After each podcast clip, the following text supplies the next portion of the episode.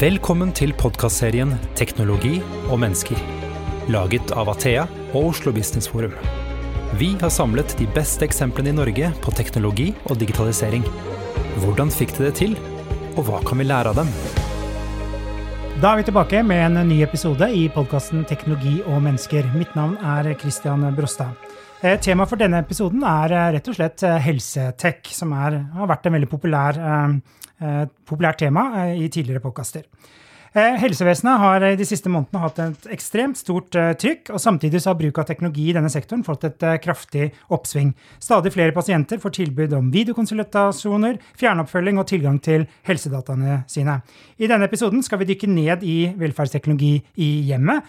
Eh, Hva er mulighetene? Er brukerne skeptiske? Og hvordan kan vi lykkes med å skape en pasientfokusert eh, helsevesen? Vi har med oss to eh, fine gjester. Eh, Det er Jakob Konradi, som er avdelingssjef i Kreftforeningen. Og så er det Marianne Wilhelmsen fra Dignio. Velkommen til dere begge. Tusen takk. Takk skal du ha. Ja, hvordan har dere det, Jakob? Hvordan fungerer livet i disse koronatider? Jo, det fungerer bra. Jeg, um, jeg sykler til jobb, og jeg har lært meg å tatt i bruk elsykkelen. Den har stått stille en stund, så det er jeg fornøyd med. Og jobber eh, mye hjemmefra og innom kontoret når jeg kan nå. Mm. Har du også pådratt deg helseplager, eller? Er det med Jeg har sittet i sofaen i seks uker. Ja, ja, ja, nei, altså Det har eh, Jeg har for så vidt gått greit, men det er egentlig litt overraskende. Jeg har bygget opp med to puter og sitter på enden av spisebordet. Ja. Så du kan si Utfordringen er at spisestua er blitt kontor, og det merker jeg på. At når er det jeg har gått ut av kontoret og inn i middagen? Det er jeg av og til litt usikker på. Det er familien litt usikker på. Så det er en utfordring, ja. Ja. Marianne, hvordan har du det? Jeg vil si bedre og bedre.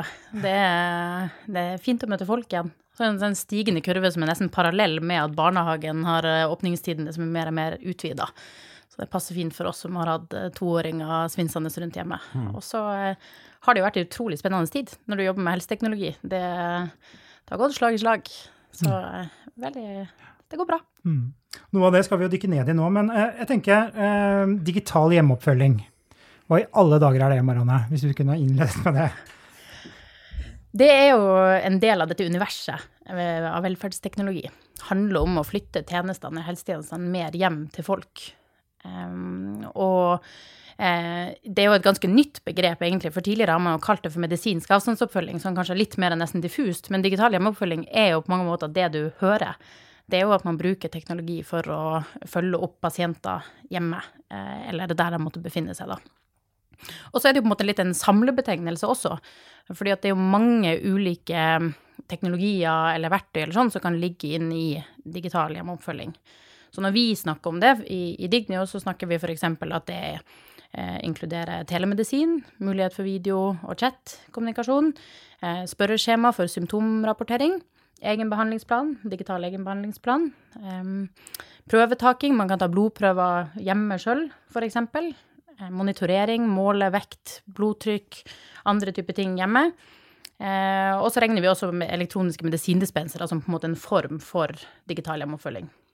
Så i praksis så får liksom pasienten et nettbrett som kanskje har ulike typer oppgaver for hver dag som vedkommende utfører. Eh, og hvis at man f.eks. tar blodtrykket, og det viser litt høyt eller utenfor grenseverdiene, så vet du at da sitter helsepersonell i en egen plattform og får disse resultatene automatisk, og kan eh, ta kontakt, da, iverksette tiltak eller sånne ting, da. Eh, så at folk i større grad blir fulgt opp hjemme, og, og ja, kanskje da får litt mer, litt mer frihet og litt mer kunnskap og mestring og de type tingene som vi kanskje kommer tilbake litt senere. Mm. Eh, man kan jo, Kanskje noen av lytterne tenker at hm, er er dette trygt? Liksom? Er det, for det, det vi gjør, er jo å overlate en del av oppfølgingen til pasientene. Eh, men er det, er det trygt? Kan man være sikker på at liksom, blodtrykket måles riktig og alle de tingene der?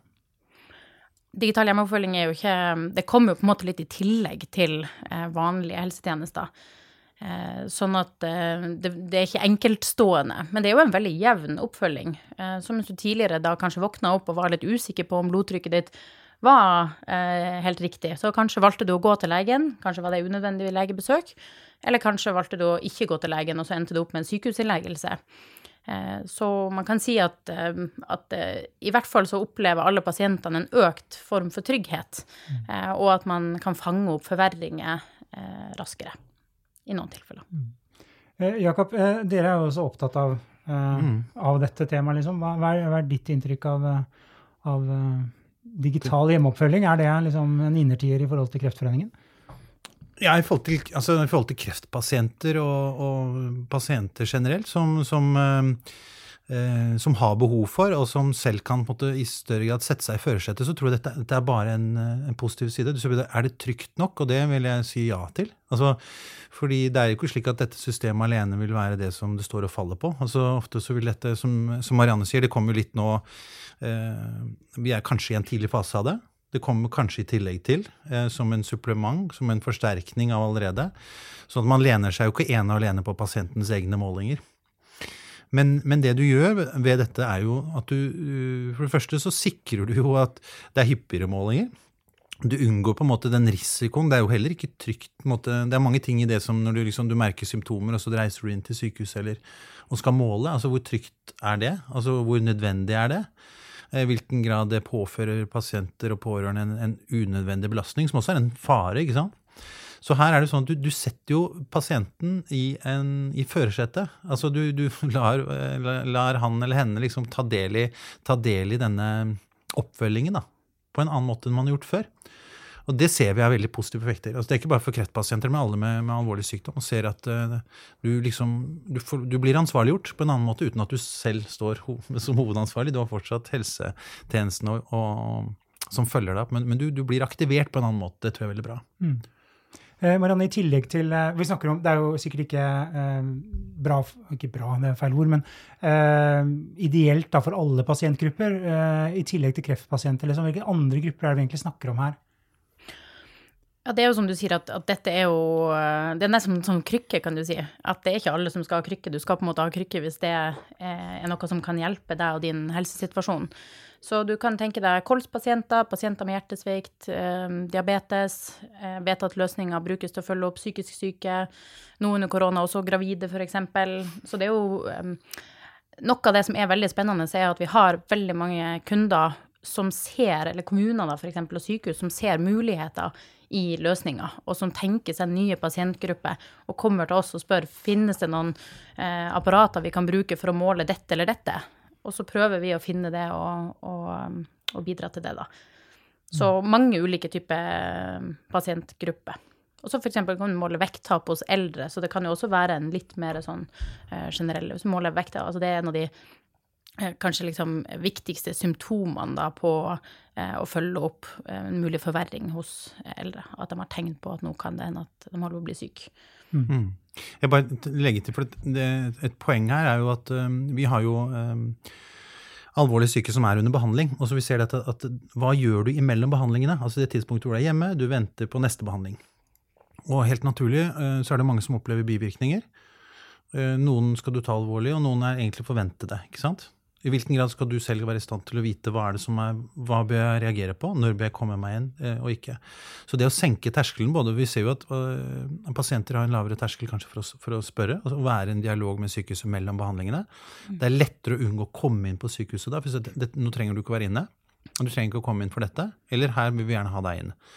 Og så I tillegg så er det jo sånn at uh, mange er jo opptatt av uh, i, i, hvilken grad de er når du har redusert immunforsvar, som, som for, for, vår gruppe er naturlig, og som gjør deg spesielt utsatt, da. Hvilken grad kan du være sammen med barnebarna? Hvilken grad kan du treffe, være sammen med din egen familie? Kan jeg gå på butikken? Og hvis du får mulighet til å rett og slett sånn på det som er gjort i forhold til uh, samarbeidsprosjekt uh, med, med Dignio, ser, ser, dette med at uh, bare antall hvite blodlegemer. Du skal vite liksom, hvor sterk er, er, immunforsvaret mitt akkurat nå. Mm. Og så kan du egentlig ta tempen på det. Og så kan du vite vet du hva, i dag så er det, er, jeg, er, det, er det trygt nok. I dag tåler jeg å møte andre folk, men i dag bør jeg holde avstand. Så, så du, du, du, kommer jo i en, en helt annen situasjon hvor du setter deg i førersetet. Eh.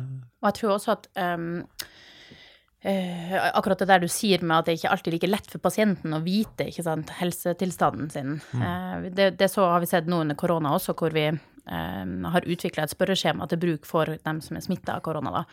Og da hadde vi en pasient som hadde blitt oppfulgt av telefon daglig, og det hadde gått fint. Og så kom vedkommende på spørreskjema, og etter første besvarelse på spørreskjema så gikk det av et rødt varsel. Eh, og da eh, endte det med at pasienten ble innlagt på sykehuset i flere dager. Og det familien til pasienten sier, er jo at vi opplevde ikke den situasjonen egentlig så alvorlig at vi ville ha kontakta lege. Mm. Så av og til så, så, klarer man kanskje ikke å, å, å skjønne alvorlighetsgraden eh, sjøl. Mm. Eh, Jakob, du har jo uttalt eh, tidligere at eh, Fordi korona har jo på en måte satt litt Norge på hodet, og definitivt kanskje også helsevesenet. Eh, men koronaviruset har liksom rammet kreftpasienter spesielt hardt også. Eh, ja. Hva, hva mener du?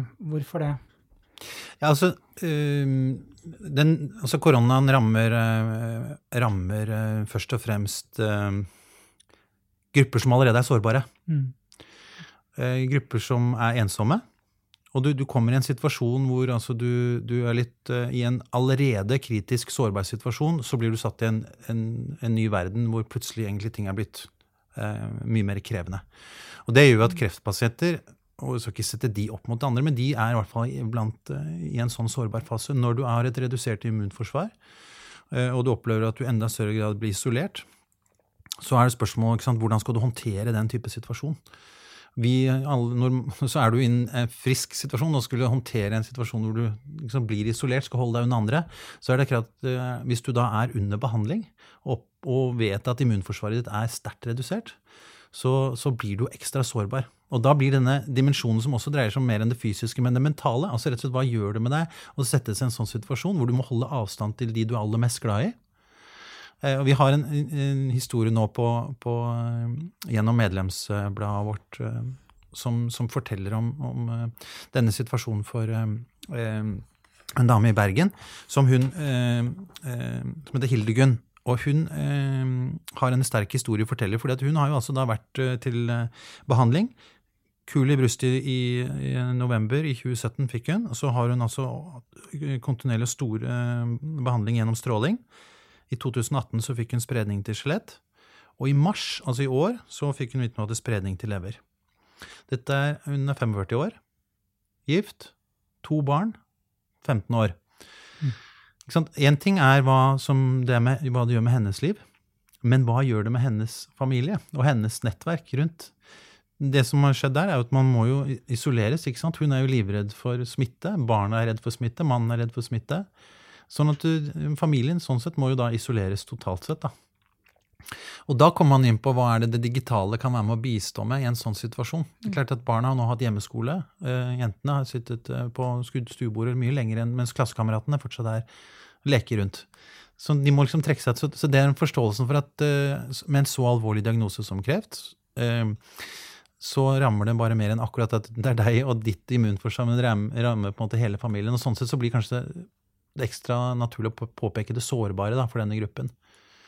Men for all del, det er mange som er sårbare, og jeg tenker liksom et løft for dem med ensomheten. altså rett og slett den der, At du rammes så til de grader i en sånn situasjon mm. at du blir stående alene med det. Og da ha muligheten til å på en trygg måte kunne følge opp, være til stede og, og, øh, og være i kontakt med helsetjenesten uten mm. at du selv opplever at du utsetter deg eller familien din for noe unødvendig risiko, er jo en kjempefordel i dette.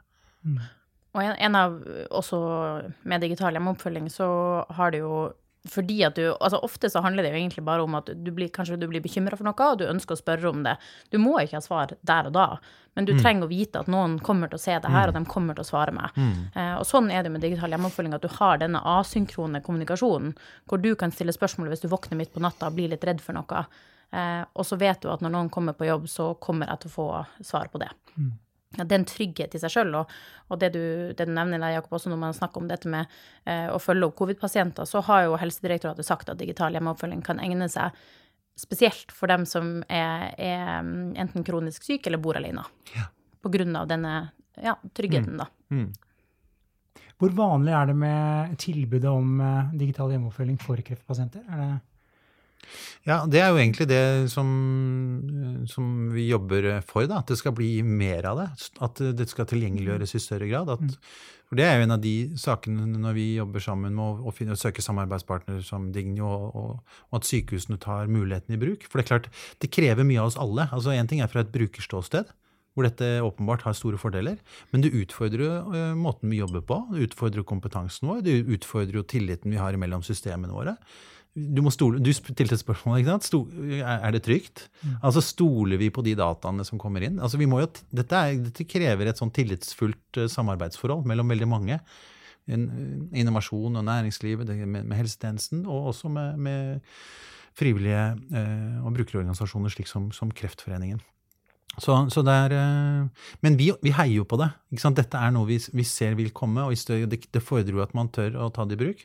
Og det sørger for at man får god forankring inn, i, inn, i, inn syke, i sykehusene. Da. Også samarbeid med, med kommunens spesialisthelsetjenesten, naturlig, som er en annen bit av dette også. Eh, som, eh, som fordrer at man kan snakke sammen og utveksle data på en god måte. For dette er jo datautveksling, mm. som innebærer dette med alt med GDPR og alt det som ligger av utfordringer der. Så det, det er liksom det er nok av utfordringer. Men vi heier på det. ikke sant? Det er jo noe med at man må ta det i bruk, og man må se nytten av det. Og vi er opptatt av å bare løfte fram brukerstemmen. Det er det som er viktig. Vi ser nytten og effekten av dette. Jeg tror vi kan si at um sykehusene fortsatt har på en måte en vei å gå for å ta i bruk digital hjemmeoppfølging. Uh, men nå er det, veldig, det er mye medvind eh, på dette feltet. Og eksempelvis da ny nasjonal helse- og sykehusplan. Der står det jo tydelig at man skal i større grad flytte tjenestene hjem til pasientene. Mm. Så, og, og, det vet jeg jo pushes på en måte fra eh, også departementshold ned til direktoratene, at de skal legge til rette for at det kommer mer ja, tilrettelegging og veiledning for å hurtig øke bruken for digital hjemmeoppfølging. Så jeg tror nok at vi, eh, ja, vi er på en måte i startgropen av noe som, eh, som kommer til å bli veldig stort. Og det handler både om alle disse gevinstene for pasientene økt kunnskap, mestring, tett oppfølging, mer kontroll over egen helse. Eh, og for pårørende, som, mm. som du nevner, mm. Jakob. Men også fordi at vi må jo jobbe annerledes. Vi er jo helt avhengig av det for å ha et bærekraftig helsevesen. Mm. Eh, vi har ikke nok folk, rett og slett. Så ja. Og så tenker jeg litt sånn, slå et slag for at det er altså ikke sånn at one size fits all. Det er altså vi er opptatt av det er, Dette er Eh, personlig. Noen er bekvem med eh, en løsning, mens andre er ikke bekvem med det. Og, det som er litt interessant å se, og som vi ser er at vi kan av og til bli overrasket hvem som faktisk er åpne for å ta den type løsninger i bruk. Altså Grupper som vi tenkte kanskje ville holde mer tilbake, er mer modne for det, og omvendt. Og det, ser vi jo at det har vært noen, noen, spennende prosjekter. Vi har hatt det på Kalnes. Vi ser effekten av det uh, på Sykehuset Østfold der. Vi ser liksom at man uh, helt åpenbart har gevinster av at man kan måle måle oppfølge hjemme. Men også dette med, med videokonsultasjoner, og i hvilken grad man er bekvem med å Hva er du bekvem med å høre og ta på video med legen din nå? Eh, noen beskjeder du, altså kan du lette av, mens andre ting, som når du kommer på med det krevende, det mer mm. vanskelige, så krever, så, så, tror jeg ikke vi kommer utenom at personlige, det personlige møtet er, vil være helt avgjørende. Mm. Og så er det noen som syns at dette med å, å, å, å, ta ting med et type hjemmebesøk, det er veldig ok, mens andre syns det er veldig fint å egentlig kunne slippe det og ta, den, ta dette på video og rusle rundt hjemme i, i stua med ja, det gjør det jo mer lettvint, på en måte, og du slipper å, å måtte være presentabel på et vis. Altså, jeg tror vi, vi må bare liksom slå et slag for at folk er forskjellige. Folk har ulike behov. Og det må vi bare være lyttende til. Sånn at teknologien aldri må komme i første rekke. Dette skal jo være at eh, pasienter og pårørende, det er, der, det er, dette det er til for. Det er der vi må stille spørsmålene. Og så må vi tilpasse og justere de mulighetene som finnes. Og det er jo det som er, at det finnes så mange muligheter nå som må tas i bruk da. Mm. Mm. Jakob, du nevnte så vidt eh, det innovasjonsprosjektet i Sykehuset Østfold. Mm. Eh, for det gikk jo da på fjernmonitorering av kreftpasienter. Mm. Hva var effekten av det? Liksom, hvis vi skal oppsummere det prosjektet, hva, hva, hva kom ut av det? Hva fant, det, fant man ut? Ja, der kan vi vel med både Marianne og jeg liksom for så vidt supplere hverandre litt. Men altså, mm. man fant jo ut at uh, det var altså en liten pasientgruppe som på en måte utgangspunktet var uh, løftet frem. Og dette dreide seg om tarmkreftpasienter. da. Uh, og uh, vi, vi, så det at det rett og slett å gi pasienter innsikt i egen helsetilstand, det gjør dem tryggere og bedre rustet til å ta gode og forebyggende valg i hverdagen. Mm. Og da snakket jeg litt om sånt, hva gjør jeg nå? Hvordan kan jeg forholde meg til rett og slett gå i butikken, ikke gå i butikken? Altså, du, du ble tryggere, du mestret situasjonen din på en, på en, annen måte. Så det var kanskje det aller viktigste funnet. Og som, som vi ser at et av våre hovedmål i Kreftforening det er å sørge for bedre livskvalitet for pasienter og pårørende. Stor satsing, og at dette, denne muligheten gjør nettopp det. Det bidrar til bedre livskvalitet og en bedre behandling. Så, så det er jo Og så er det jo en måte å rigge hverdagen sånn at den blir praktisk håndterbar på en annen måte også. Så det, det er flere effekter av det, men, men, det gjør jo at vi har blitt enda mer nysgjerrig på dette, og, og at vi også søker uh, enda mer data. For det er ikke så mye forskning på dette ennå. Mm. Selv om vi intuitivt alle forstår at det er noe bra, så vil det alltid, det alltid være viktig å måle effekten av det vi gjør. Hvilken nytte har det faktisk? Og det må vi, eh, det må vi rett og slett bruke og vi sette i system, sånn at vi systematisk kan innhente de dataene og se hvilken effekt det får for. Så vi kan også justere kursen videre. Mm. Så det er jo egentlig det viktigste vi fant. Vi ønsker mer av det, og mer eh, kunnskap. Mm. Jeg kan nevne også um, uh, ut ifra det jeg vet, så denne symptomrapporteringa, da. At du kan rapportere inn enten kvalme eller smerter eller uh, slapphet og sånn, og at det kan bidra til mer informasjon til helsepersonell, som mm. igjen kan gi råd om smertelindring. Som jo da sikkert bidrar til denne livskvaliteten som du, mm. som du nevner. Ja. Hvor er det vi finner motstanden mot dette? Fordi at uh, Se på andre områder, så er det liksom to nøkkelord. Det ene er liksom redd for å bli overvåka. Eh, og så kan det være, eh, som vi har snakket om i tidligere podkastepisoder, er jo at eh, man er redd for at ok, dette skal erstatte eh, helsepersonell. Sånn at åh, ja, endelig en fin måte for kommunene eller for helsevesenet da, til å liksom, få bort noen hender og lavere kost. Marianne, hva, er det et riktig bilde? Er det liksom det største frykten? Jeg tror eh, vår erfaring er i hvert fall ofte at eh, hvis det er motstand hos brukere, så er det nesten uavhengig av holdt på å si, alder eller, eh, eller sykdom. Da. da er det mer eh, motivasjonen, f.eks., som ligger der. Kanskje noe på tekniske ferdigheter, mm. men, men, ganske sjeldent, egentlig. Vi gjør jo mye grep i teknologien for at alle skal kunne bruke det. Et eksempel er f.eks. at iPaden er låst. Eh, sånn at du kan ikke navigere deg bort fra den appen, f.eks. Du kan ikke plutselig ende inn på Safari og på VG-nett. Du er der på en måte hele tida, ikke sant? Eh, som gjør det enklere for, for f.eks. eldre å, å, bruke det. Og så er jo dette omstilling. Mm. Og omstilling gjør jo vondt. Um, og, og, det er klart at Så jeg hørte f.eks. den Bergen-podkasten hvor mm. man snakka om om velferdsteknologi, at, at ofte fra helsepersonellsida så kan det være noen motforestillinger, men jeg tror jo at det gjelder oss alle når vi skal gjennom omstillingsprosesser. Eh, man vet ikke helt hvordan det kommer til å påvirke arbeidshverdagen, og, eh, og kommer det til å bli mye teknisk krøll, eller altså disse typer tingene. Så jeg vil jo si at, at det er et på en måte hinder motstand.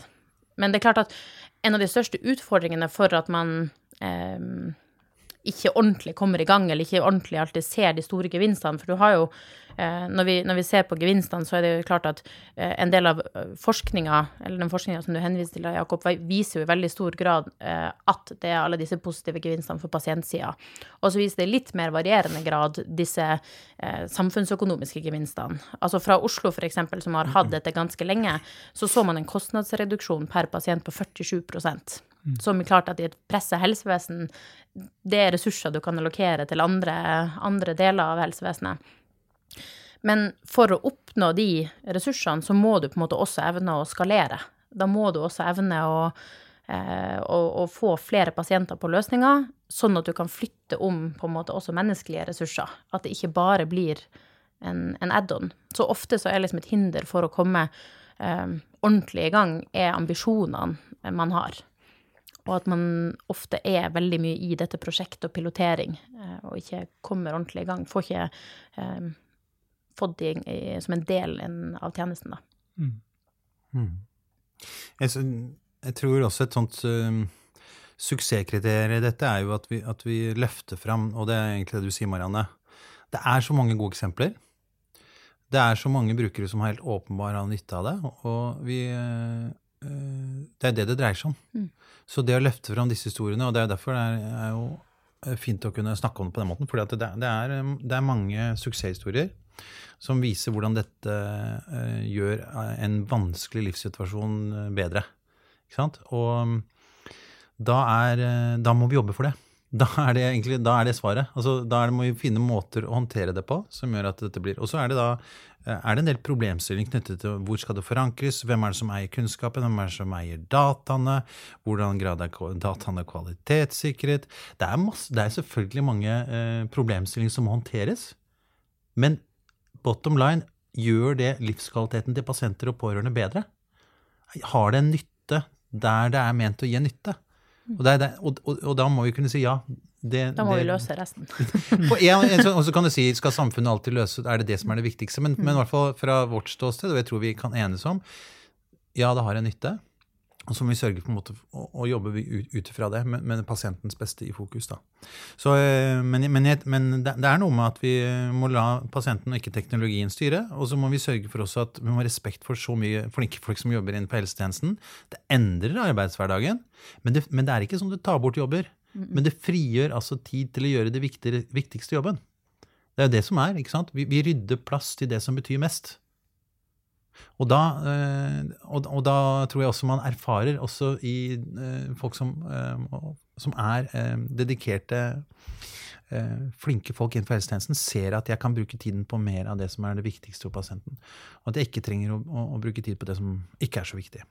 Så det å synliggjøre det og være med på liksom, ja, vi må fortelle om det, det er jo det vi kan gjøre mer av. Mm. Og, og litt på en måte tilbake til dette her med varme hender og, og Så det er klart at eh, jeg tror jo det er mange som eh, som tenker at det bare er et gode. At du får folk hjem på en måte som en del av hjemmetjenesten. Mens for noen pasienter så ønsker man jo kanskje å klare seg mest mulig sjøl. I noen tilfeller så eh, må du sitte og vente, du kan ikke gå ut av huset nærmest fordi at du sitter og venter på at hjemmetjenesten skal komme hjem til deg med medisinene dine, eller noe sånt. Og da er det noen som snakker om dette med de klamme hendene, ikke sant, at det ikke alltid eh, er det beste, da. Eh, og så er det klart at med en del av digital hjemmeoppfølging, enten det er medisineringsstøtte eller det er de andre tingene, så får du jo kanskje også mer frihet og fleksibilitet i livet ditt. Du kan tryggere dra på hytta.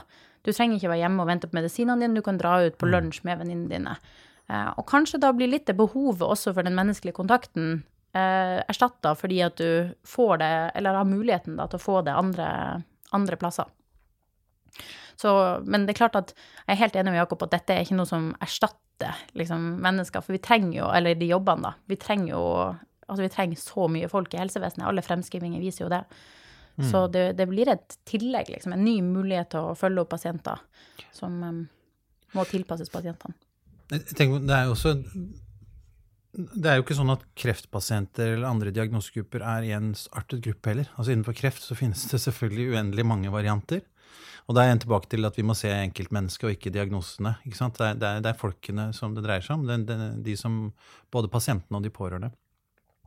Det erfarte vi jo litt fra Vi hadde eh, også hatt et prosjekt med, eh, på, i bydel Sankthanshaugen i forhold til for, for, pal, eh, altså det palliative pasienten. Altså pa, pasienter som er i en, en eh, ja, siste fase av livet. da.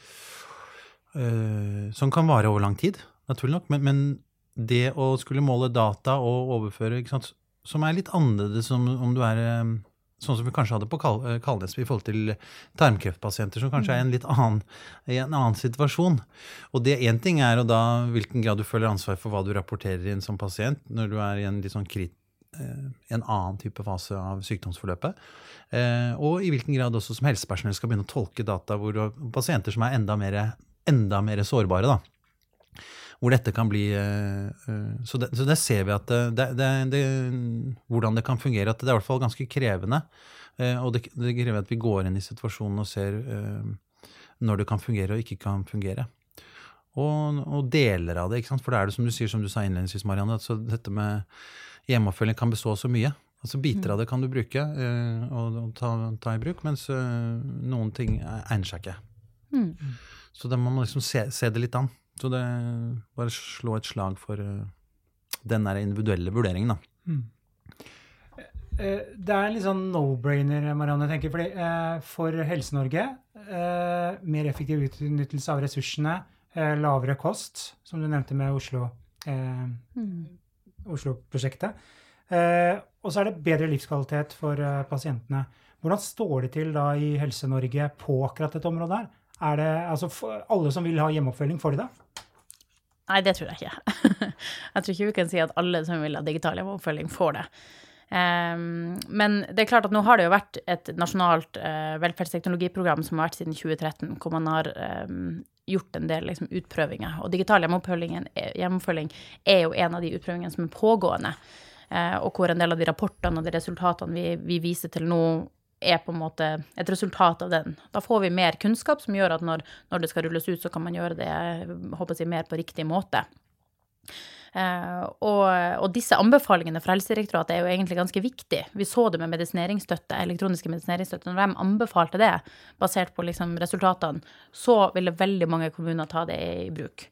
Med digital hjemmeoppfølging så er man på en måte ennå ikke kommet til den fasen av utprøvinga hvor dette liksom klare rådet har kommet. Det er fortsatt på en måte utprøving. Uh, så det gjør jo at um, du har kommuner som er en del av det prosjektet, som, altså, som er en del av det nasjonale prosjektet på utprøving. Og så har du noen kommuner som gjør det litt utenom, og som på en måte ser gevinstene her og vil ønske å sette i gang, uavhengig av dette på en måte rådet, da. Um, så jeg tror jo at Ja, som sagt, en del av den medvinden som jeg snakka om i sted, og nå når vi ser med korona, og korona kommer jo til å være eh, Det går ikke bort for sommeren, liksom. ikke sant? Og, og, og, etter hvert som samfunnet åpner opp, så kommer det jo, er jo enda mer de risikogruppene. De er jo de, de sårbare, på en måte. Eh, og der, når digital hjemmeoppfølging er på en måte nevnt der som en mulig måte å følge opp en, en Altså kan være en god måte å følge opp disse pasientgruppene, så tror jeg at det i større grad kommer til å gjøre at flere kommuner på en måte hva skal jeg si, får en fot innafor, får prøvd det litt, får kjent det og, og sett noen av de, de gevinstene, mm. og at det blir enda flere. Men jeg tror nok at det er mange pasienter som, um, som gjerne skulle hatt det, og som ikke i dag har muligheten til det. Det er jo litt tilbake til dette med omstillinga som vi snakka om tidligere. At det er, ikke, det er ikke egentlig bare å kjøpe inn en dings. Det er en, det er en endring i tjenesten. Krever andre måter å jobbe på. Mm. Som krever mer forankring. Det er en del politikere som snakker veldig varmt om dette nå. ja. Ganske mange. Ja, men det kommer penga, kommer bevilgningene. altså Det må jo gjøres noen investeringer her. Det, ja, det kommer ikke det noe RNB, for å si det sånn. Nei, ikke sant? men uh, vi kan jo alltids håpe at det, at det, kommer mer. Men som sagt, uh, Nasjonal helse- og sykehusplan er jo en ganske tydelig på en måte, bestilling, og, og tildelingsbrevene til direktoratene likeså. Og så er jo kommunene litt annerledes. Det går kanskje litt mer tid der for å få til den omstillinga. Alle som uh er, ja, har jo sett det, at eh, koronaen har gitt noen positive effekter i forhold til ting som vi har tenkt på lenge. Mm. Prosjekter vi har hatt liggende en stund. Eh, det har fått en forsterket kraft. da.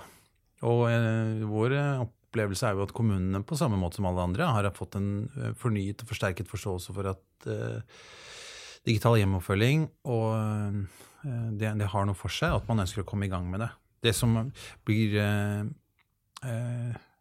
viktig for oss, da, Eh, som jeg tror også for pasientens del, er at eh, vi må tørre å ta ting i bruk. Altså vi, vi er flinke til å prøve. Vi setter i gang piloter. Mm. Og pilot 1 erstattes litt av sånn pilot 2. Eh, og flere kommer til og tester det ut. Og, det jo, og kommuner henter ikke erfaringer fra hverandre. Alle nei. skal ha sin egen. Ja, og det er jo sånn da litt av utfordringen i det. Og, men, men kanskje senke terskelen for å liksom prøve det ut. Ikke sant? Og, og, og at, ikke det, at, ikke vi bare avløser den ene piloten av den andre, men at vi, at vi, at vi kommer i gang. da. Men at vi benytter og drar, drar uh, ja, At vi utnytter den, det potensialet og den, den liksom kraften som ligger i, uh, i koronasituasjonen.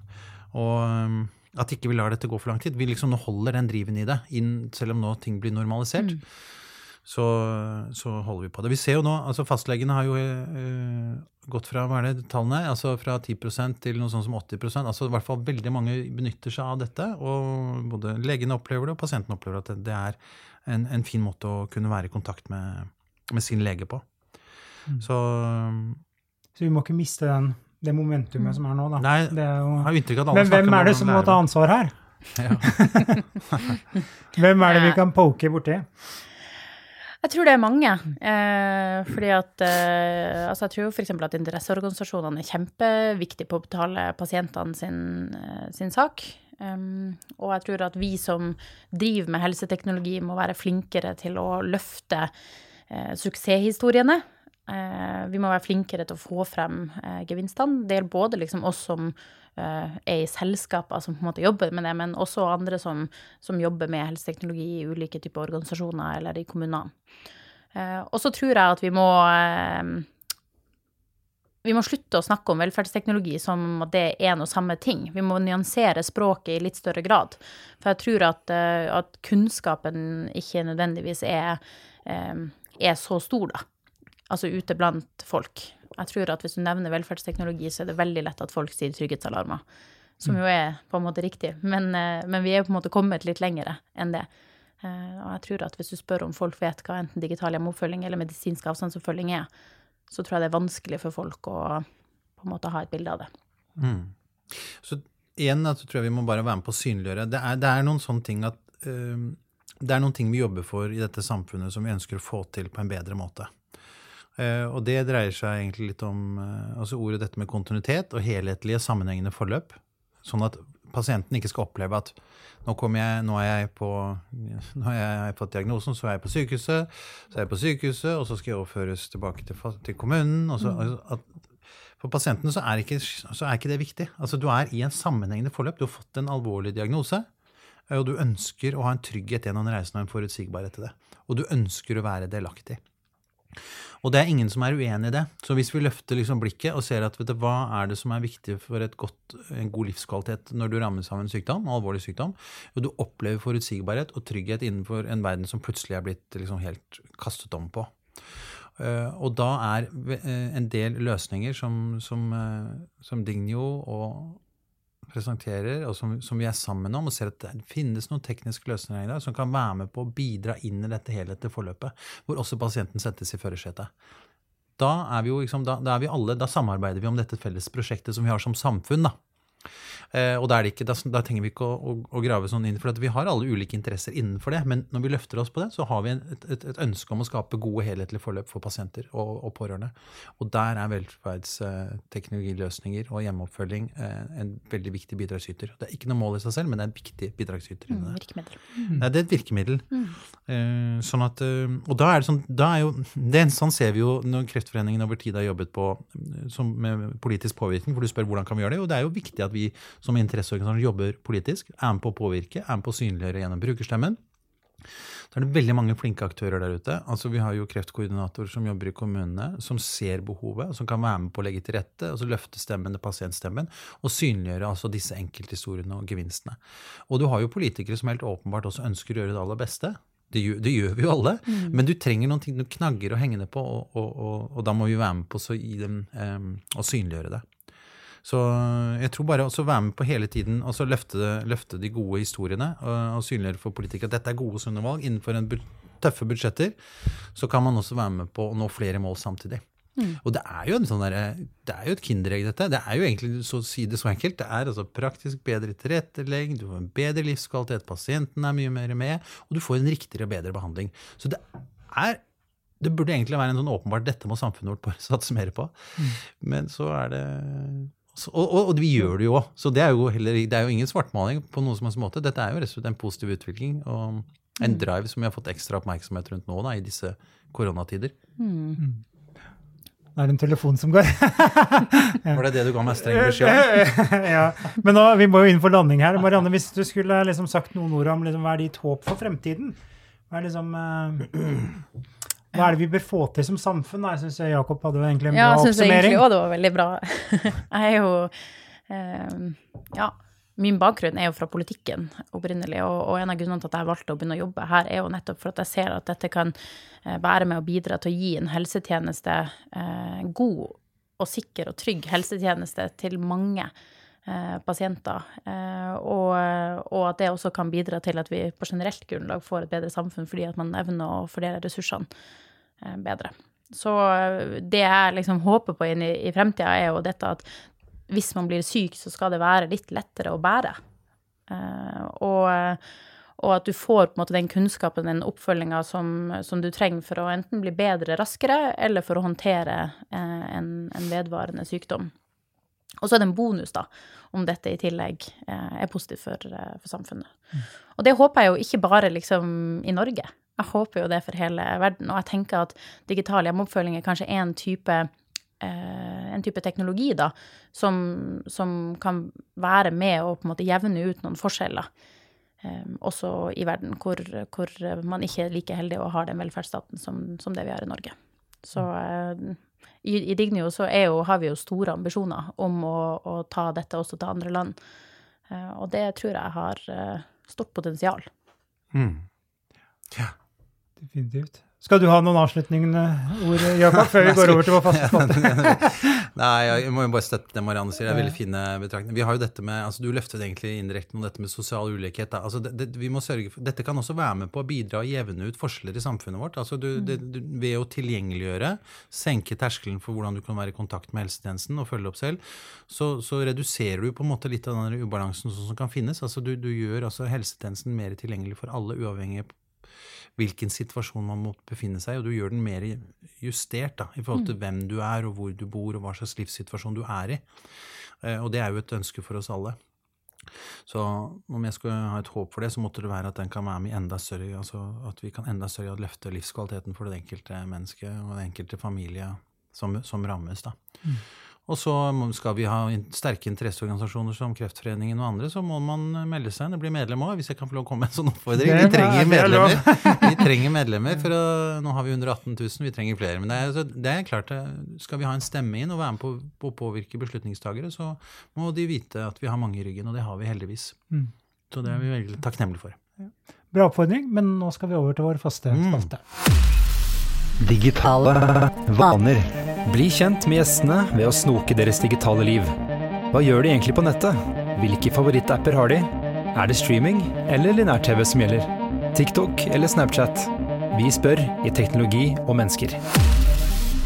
Ja, nå skal vi snoke litt i deres eh, eh, digitale, private liv her. Eh, Jakob ser helt skrekkslagen ut. Men dette er ikke farlig, da. Jeg kommer med to alternativer, og så skal dere velge ett av de. Så er det ikke lov å velge begge eller finne på et tredje. Det er fy. Ok? Skal vi starte med deg, Marianne? Ja, jeg er klar. Eh, Instagram eller TikTok? Ja, det må være Instagram. Mm, er du på TikTok? Jeg må innrømme at jeg kom dit i Corona Times. Ja. Så jeg har lagd noe mat derfra, men ikke dansa, dansa derfra. Ikke dansa. Hva med deg, Jakob? Forferdelig spørsmål, altså. Veldig krevende spørsmål. Men jeg må da si TikTok, jeg, faktisk. Oi! Ja, det er litt overraskende for både deg og meg. Eh, Men jeg har Og det er egentlig eh, Jeg har en, eh, en datter på 15 som er veldig ivrig på TikTok og har lagt ut noen danseting der. Og så, og så har jeg fått en sterk oppfordring. Det er ikke fordi at jeg nødvendigvis er der, men fordi noen mener at jeg absolutt bør komme meg dit. Jeg har en sånn eh, eh, skyggeside som eh, Elvis på fritiden, så da sier at du må bare inn der. Ja, ja. Altså, Det, ja, finnes det bilder av deg på nett? Vi må google ja, ja, det finnes, vet du. Det er bare å gå, Men jeg, jeg er ikke da, så du må gå inn og se på, på Facebook-siden min, da. Mm. Ok, ja, det skal vi gjøre. Eh, vi har alle noen sider. Ja. Ja, ja, men det er bra. Uh, Marianne, emoji eller tekst? Nei, det må være tekst. Men aldri uten emoji. Nei. Jo da, men, eh, men Det er, både, er det lov å se begge deler? Hun gjør nå? Ja, ja, ikke sant. Det er litt på kanten, men ja. Ja, jeg sier også tekst, altså. tekst. Ja. Men aldri uten en emoji, da. Ok, så det er samme greia. Eh, hjemmekontor eller kontoret på jobben? jeg er sykt glad i folk, så jeg må si kontoret på jobben. Mm. Det er, ja, det er viktig. Men jeg, det, ja, jeg skal ikke si noe men her. Jeg går også slag for eh, kontorjobbing. Håper, det, kanskje det blir et sånt begrep i framtiden. Hjemmekontor er det vanlige, men kontorjobbing er liksom det Det, uvanlige. det, ja. det er det som blir Jeg uglesett. tar en, kontor, jeg tar en kontorjobbing i Ja, dag. ja. Hvem vet. Eh, ringe eller sende meldinger? Sende meldinger. Mm. Tror det. Det er enklest. Ringe. Ringe.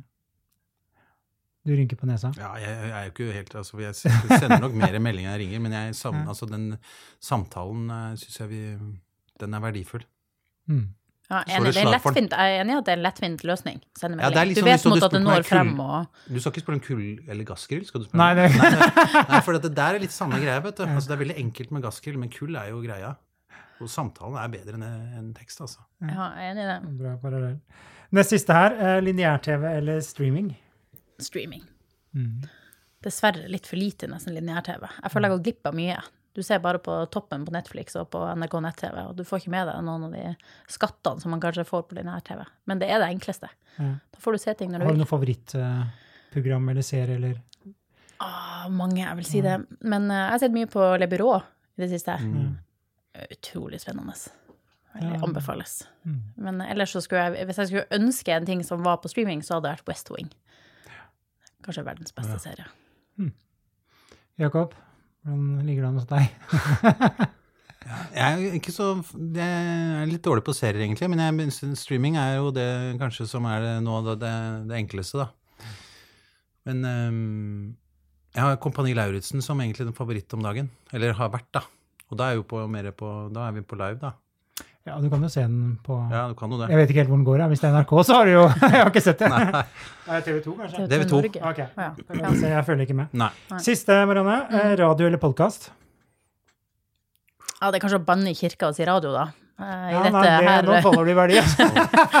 Men eh, radio har musikk, og det er. Kan ikke leve uten musikk. Det, Oh. Ja, jeg skjønte at det, der, det er en felle. Men uh, Nei da, vær, vær ærlig. Det er det viktigste. jeg er f veldig glad i radio. Ja. Jeg elsker radio. Så eh, det foreløpig så har den fortsatt en høyere stjerne enn podkast, men uh, Mm. Det er en eksplosjon i podkastlyttingen. Ja. Altså. ja, og jeg hører mye på Jeg, jeg hører kanskje, hvis du tenker antall tid, eller antall minutter, Mm. så hører jeg jo mer på podkast enn kanskje på radio. Men det er noe med å skru radioen på på morgenen, og uh, både høre musikk og høre nyhetene, og det Mm. Podkast er litt mer når jeg kjører bil. Og nå blir det jo veldig mye bil i sommer, så ja. da får alle lytte på podkast. Ja. Nei, Den- men bra. denne podcasten. Denne podkasten. Det er det viktigste. ja, det det. Eh, Marianne og Jakob, tusen takk for at dere kunne være med, og tusen takk til deg som har lyttet på. Og ikke glem oppfordringen fra Jakob her med Leine Kreftforeningen. Å, takk skal du ha. Takk for at vi fikk være her. Ja, takk. Du har nå lyttet til Teknologi og mennesker, laget av Athea og Oslo Business Forum. Liker du podkasten, setter vi stor pris på om det gir oss noen stjerner. Og tips gjerne en venn om podkasten.